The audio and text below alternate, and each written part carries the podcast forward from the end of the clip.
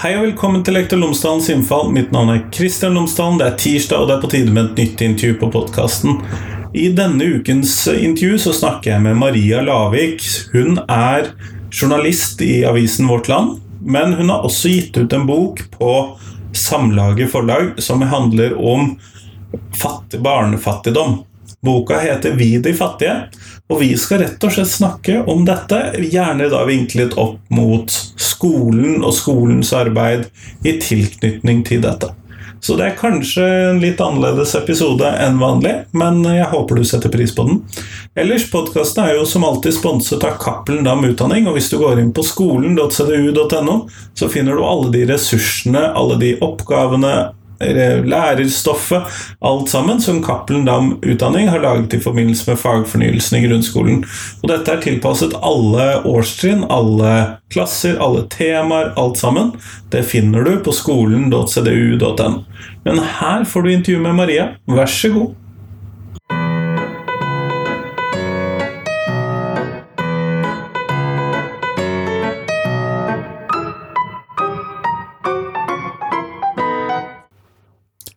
Maria Lavik, tusen takk for at du har tatt deg tid til meg i dag. Hei, hei.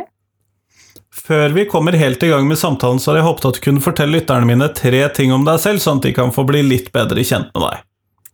Ja, altså Det viktigste er at jeg er fra Eksingedalen, som er den fineste plassen i verden. Eh, det er en flott fjelldal i Vestlandet fylke, så det er noe jeg er blitt. Nummer to, jeg synger i et kor som eh, går rundt på puber og synger drikkeviser for folk. Um, og nummer tre eh, Jeg står ikke på skateboard, men jeg skulle gjerne ønske at noen hadde lært meg å skate. Kjempeflott. Eh, jeg må si jeg er mest overrasket over nummer to, men det var gøy. du kan bare booke oss hvis du vil en dag. Jeg, jeg holder til i Bergen, vet du. Ja, Da må du ha reisekostnader òg. Det kan bli dyrt. Jeg det tror jeg. Ja. Eh, men du har skrevet en bok vi de fattige. Eh, kunne du starte med å fortelle meg litt om boken? Eh, det er en bok som handler om åtte familier som er fattige i Norge. Og de har forskjellig livssituasjon, men de har alle til felles at de lever under lavinntektsgrensa som vi har. Og jeg kommer ganske tett på livene deres og, og hverdagsutfordringene deres og prøver liksom å i den boka ved et slags talerør for disse familiene. Nettopp sånn men, Og da snakker vi om det som heter vedvarende lavinntekt, som er det mm. litt sånn kjipe, kjedelige begrepet? Mm. Ja, SSB har begynt å bruke det uttrykket i stedet for fattigdom. Um, og det kan jo forskere gjerne gjøre, men jeg syns det er rart hvis vi er i liksom samfunnsdebatten og jeg som journalist skal jo drive og bruke sånne, sånne, akademiske vendinger. Jeg vet ikke om det har så mye for seg sånn sett. Nei, det tror jeg for så vidt du eh, nok kan ha rett i, og jeg tror det kan kanskje kamuflere noe i mm. dette. Mm. Men eh, når du da skriver denne boken, og du kommer inn på disse familiene så Dette er jo en skolepodkast, og mitt sånn fokus er jo hvordan påvirker dette disse familiene i hverdagen? Og jeg mistenker jo at noen av disse også har uh, skolebarn, og at det er mm. kanskje en relevant sak, og hvordan inkluderingen er. Så hvis du kunne si litt om hvordan oppleves det å være fattig i Norge ut ifra de eh, menneskene du har møtt da, i denne situasjonen? Um, hvordan det oppleves å være fattig i Norge? Ja. ja um, det er jo veldig stort. Det er sikkert 115 000 svar på det. Det er jo 115 000 fattige barn i Norge, og de opplever ting sikkert ulikt. Men det som går igjen både i forskning og i de, i de familiene som jeg møter, så er det mye stress og uro. da. Det er foreldre som har liksom, liksom kniven på strupen økonomisk sett, og som ikke vet om de har råd til å bo der de, skal, der de bor nå de vet ikke om de må flytte, barna vet ikke om de må bytte skole. Og vi vet jo at ofte, spesielt barn som bor i kommunalboliger, flytter veldig ofte, spesielt i Oslo. Um, så uh, det er sånn Det er kanskje en litt sånn mer grunnleggende utrygg oppvekst, da. Det å, å ha dårlig råd. Det er kanskje én ting som går igjen. Det kan jo gjøre det ganske krevende å lære eller være en del av et skolemiljø. Du nevnte jo det med at de flyttet ofte også, så det, begge deler her er jo ganske krevende. Den uroen og det stresset og den um, flyttingen gjør det jo kanskje ganske krevende å tilhøre et skolemiljø, vil jeg tro. Mm. Ja, og sånn statistisk sett så er det er du mer utsatt for f.eks. sånne lære- og skrivevansker hvis du kommer fra en familie med dårlig råd.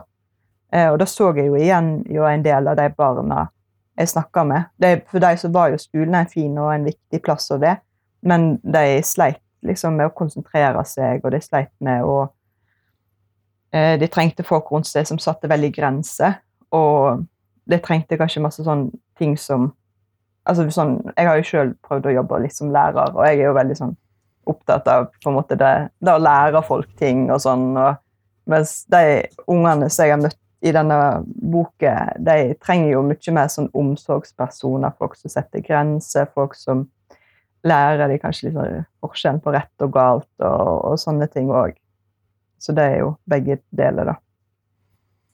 Men kunne du si noe kort om uh, hva var bredden i de menneskene du pratet med? Uh, av sånne uh, var det liksom én type mennesker, eller var dette eh, variert eh, bredde av norsk befolkning?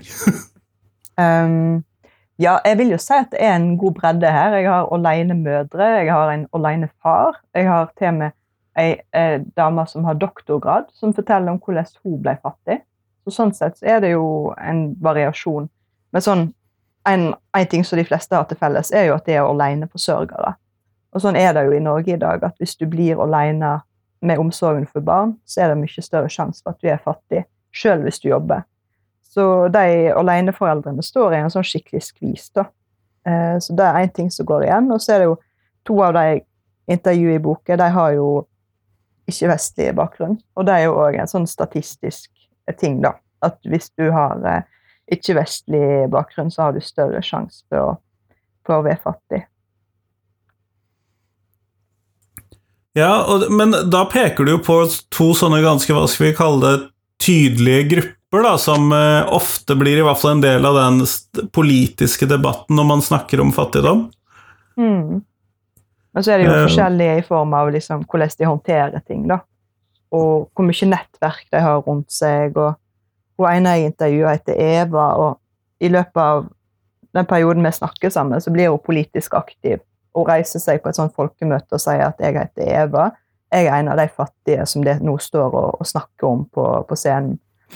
Og hun, hun, på en måte skiller seg kanskje fra de andre jeg snakker med, med at hun har et stort nettverk, og hun hjelper andre som er i samme situasjon. Mens andre jeg intervjuer, er mer isolerte og uh, har uh, mindre både gode familierelasjoner, de har ikke så mange venner. De er litt sånn mer alene i sitt eget liv, da.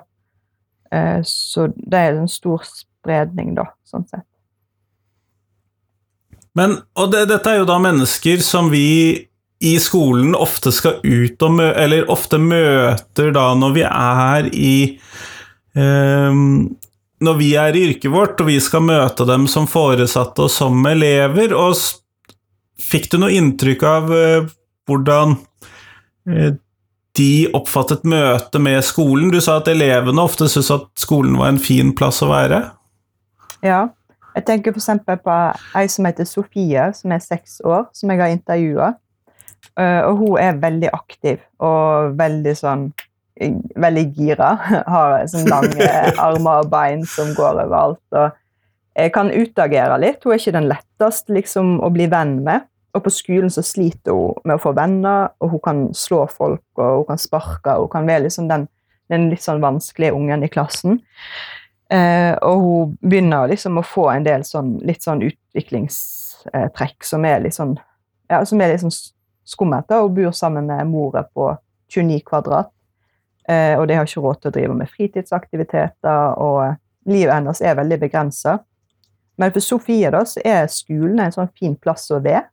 Og jeg tenker at for mange fattige familier så er det jo De har kanskje mindre folk rundt seg. De har dårligere kanskje kontakt med familien. Det er mer konflikter. Så ofte så er skolen en sånn plass som er et sånn ekstra støttehjul, da, sånn sosialt, og det med å få voksenkontakt. Og hun Sofie hadde veldig mange gode folk rundt seg eh, på skolen. Og jeg husker sånn under korona så møtte jeg mor, mora hennes, Elena.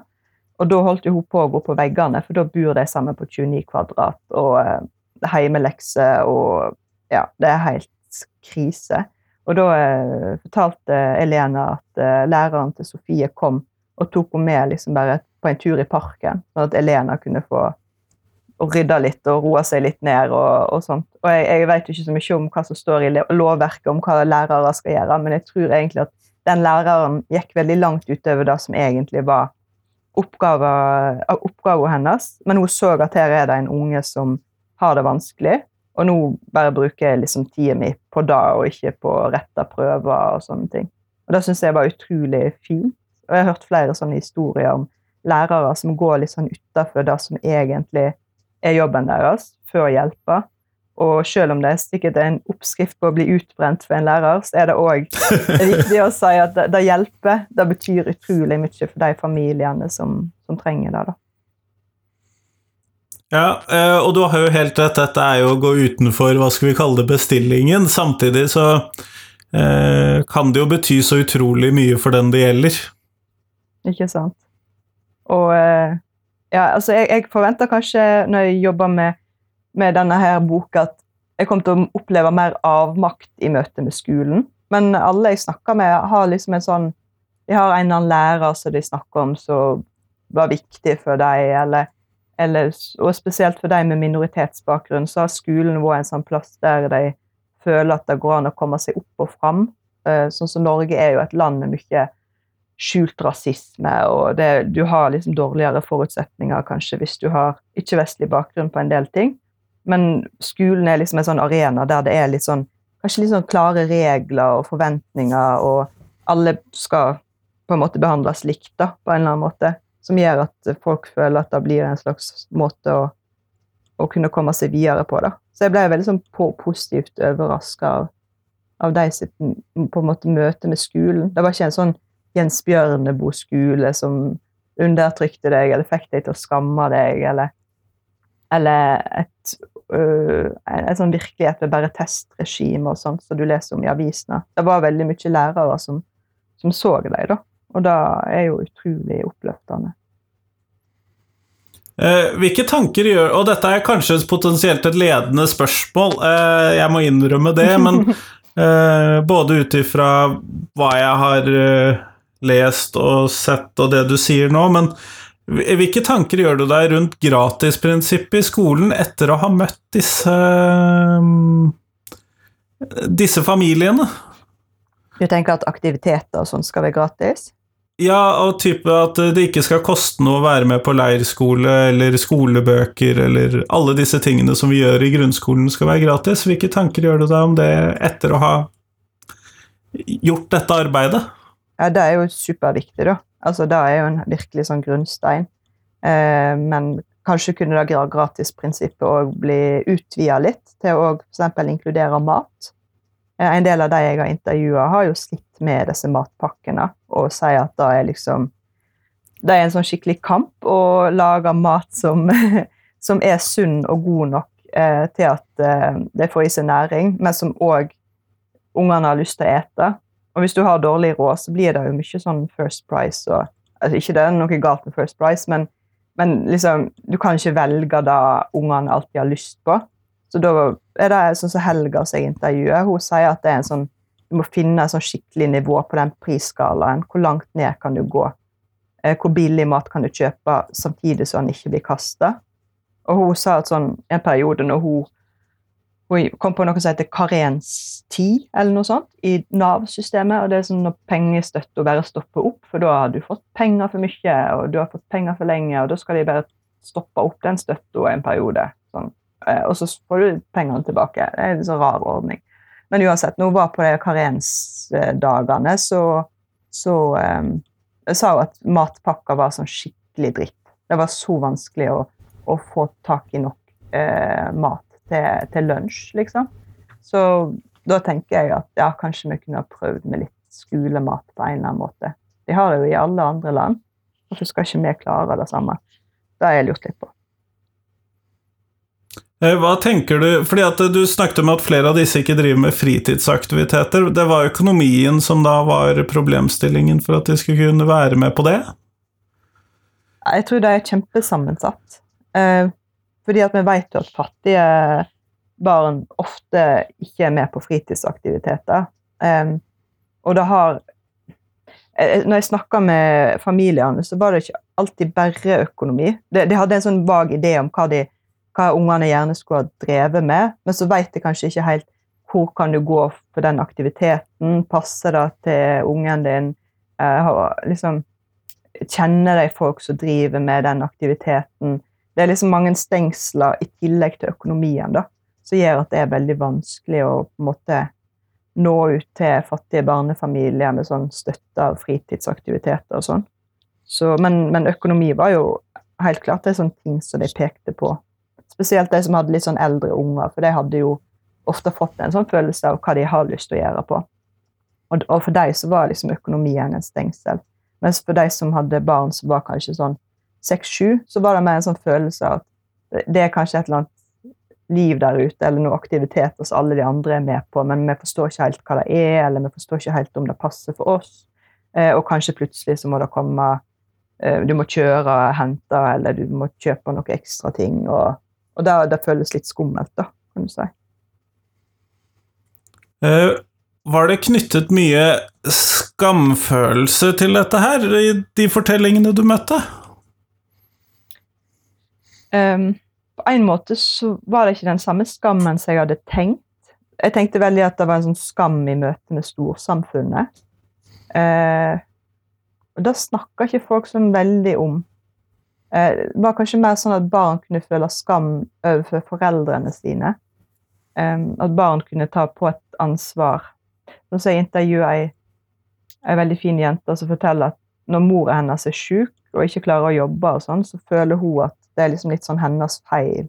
At det er hun som gjør at mor er sjuk, eller at hun kan ikke, hun kan ikke hjelpe mora å bli friskere. Så hun føler en sånn skamfølelse for mora. Så snakker jeg med en som heter August, på 15 år, som sier at han tør liksom ikke fortelle mor om hva han trenger, da. Fordi at han, han, han føler at da får han henne til å, å føle seg sånn slem. Og at hun må da si nei og avvise han. Så han bare lar være å fortelle om ting han har bruk for. Så jeg føler at jeg har, liksom barna har mer sånn skamfølelse for, barn, eh, for foreldrene sine.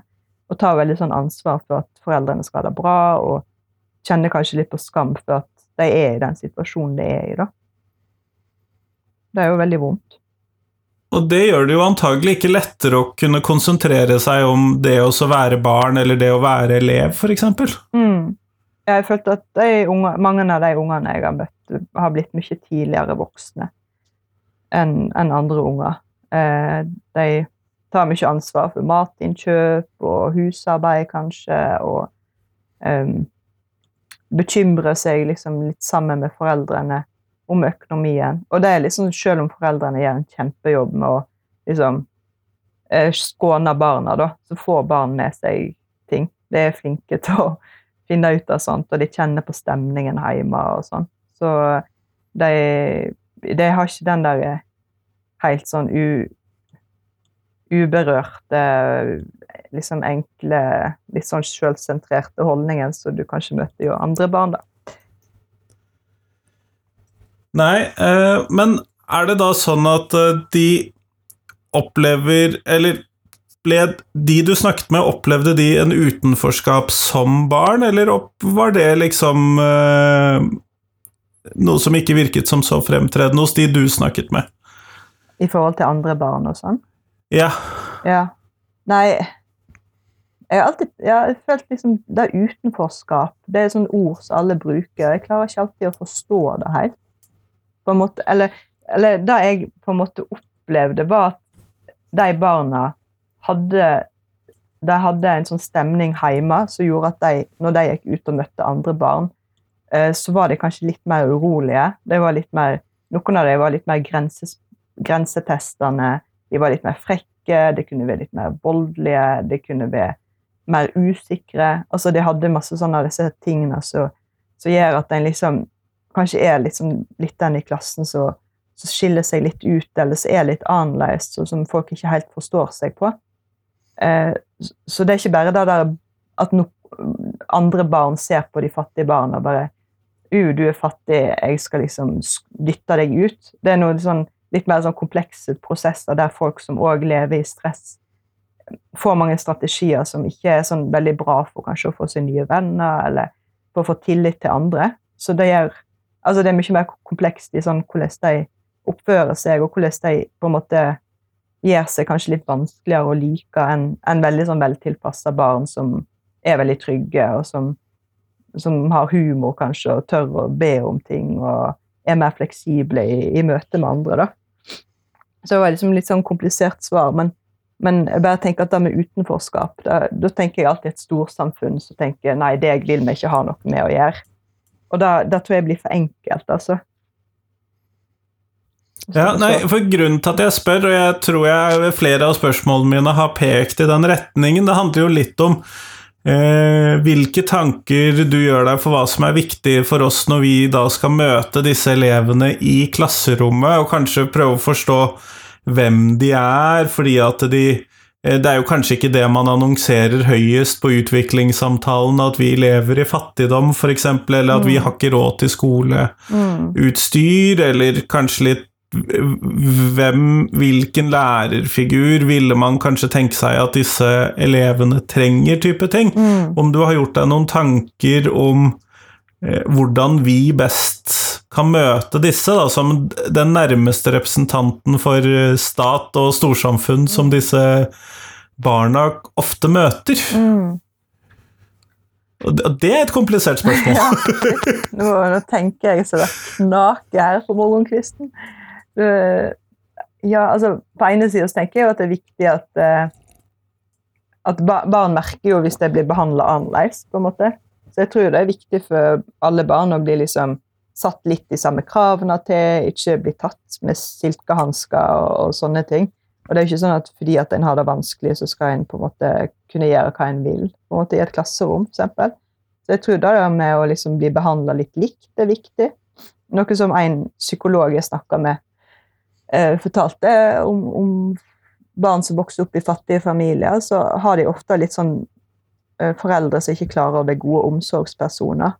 Og jeg når han snakker om det, da, så mener han at han har, det er foreldre som kanskje ikke klarer å sette tydelige grenser, men som heller ikke klarer å gi ordentlig omsorg fordi at de er veldig stressa og urolige.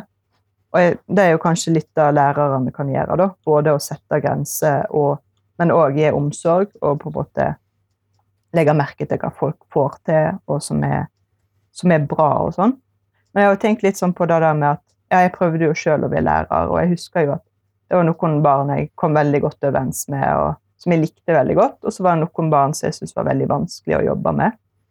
Og de som var vanskelig å jobbe med, var jo de som hadde det vanskelig hjemme. Jeg så jo det. Jeg så jo at de hadde det skikkelig tøft. Eh, så jeg, så jeg er glad for lærerstanden, at jeg ikke ble lærer. Men det som er igjen, det, det må jo kanskje liksom ta den der eh, Ja, på en måte ikke snu seg vekk fra de som er vanskelige. Ikke, ikke gi dem opp Eh, fordi at det er ofte et rop om hjelp da, når det er hvis, det, hvis, du har et barn i klassen som er skikkelig utagerer masse og er sint og liksom ubehagelig å være med, så er det bare òg en konsekvens av, av liksom hvordan ting er hjemme, da, ofte. Men jeg forstår jo at det ikke er enkelt. Nei, det er jo en del av et ganske komplekst bilde. Men mm. eh, vi går mot slutten, eh, Maria, og da lurte jeg på om du kunne eh, gi svar på det siste spørsmålet mitt som jeg stiller til alle jeg intervjuer. Hva er de tre viktigste tingene du tenker skolen kan lære elevene? Det er veldig stort. Men alle elever burde jo lære at de er verdifulle, og at de betyr noe og at de har et ansvar for andre rundt seg. De tre tingene. Kjempeflott. Tusen takk for at du tok deg tid til meg i dag. Tusen takk for praten.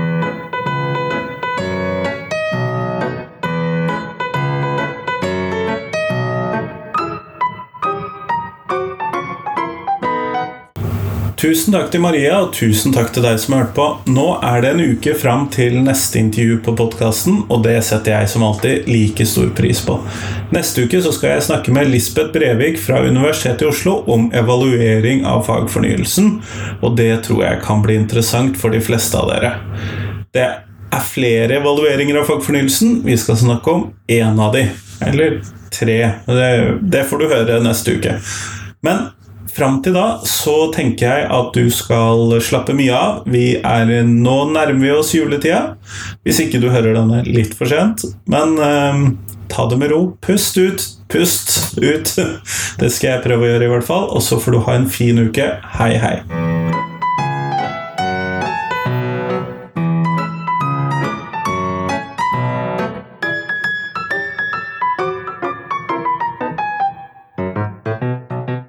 Jeg trenger tips ikke bare om mennesker jeg skal intervjue, men også om temaene jeg skal intervjue folk om.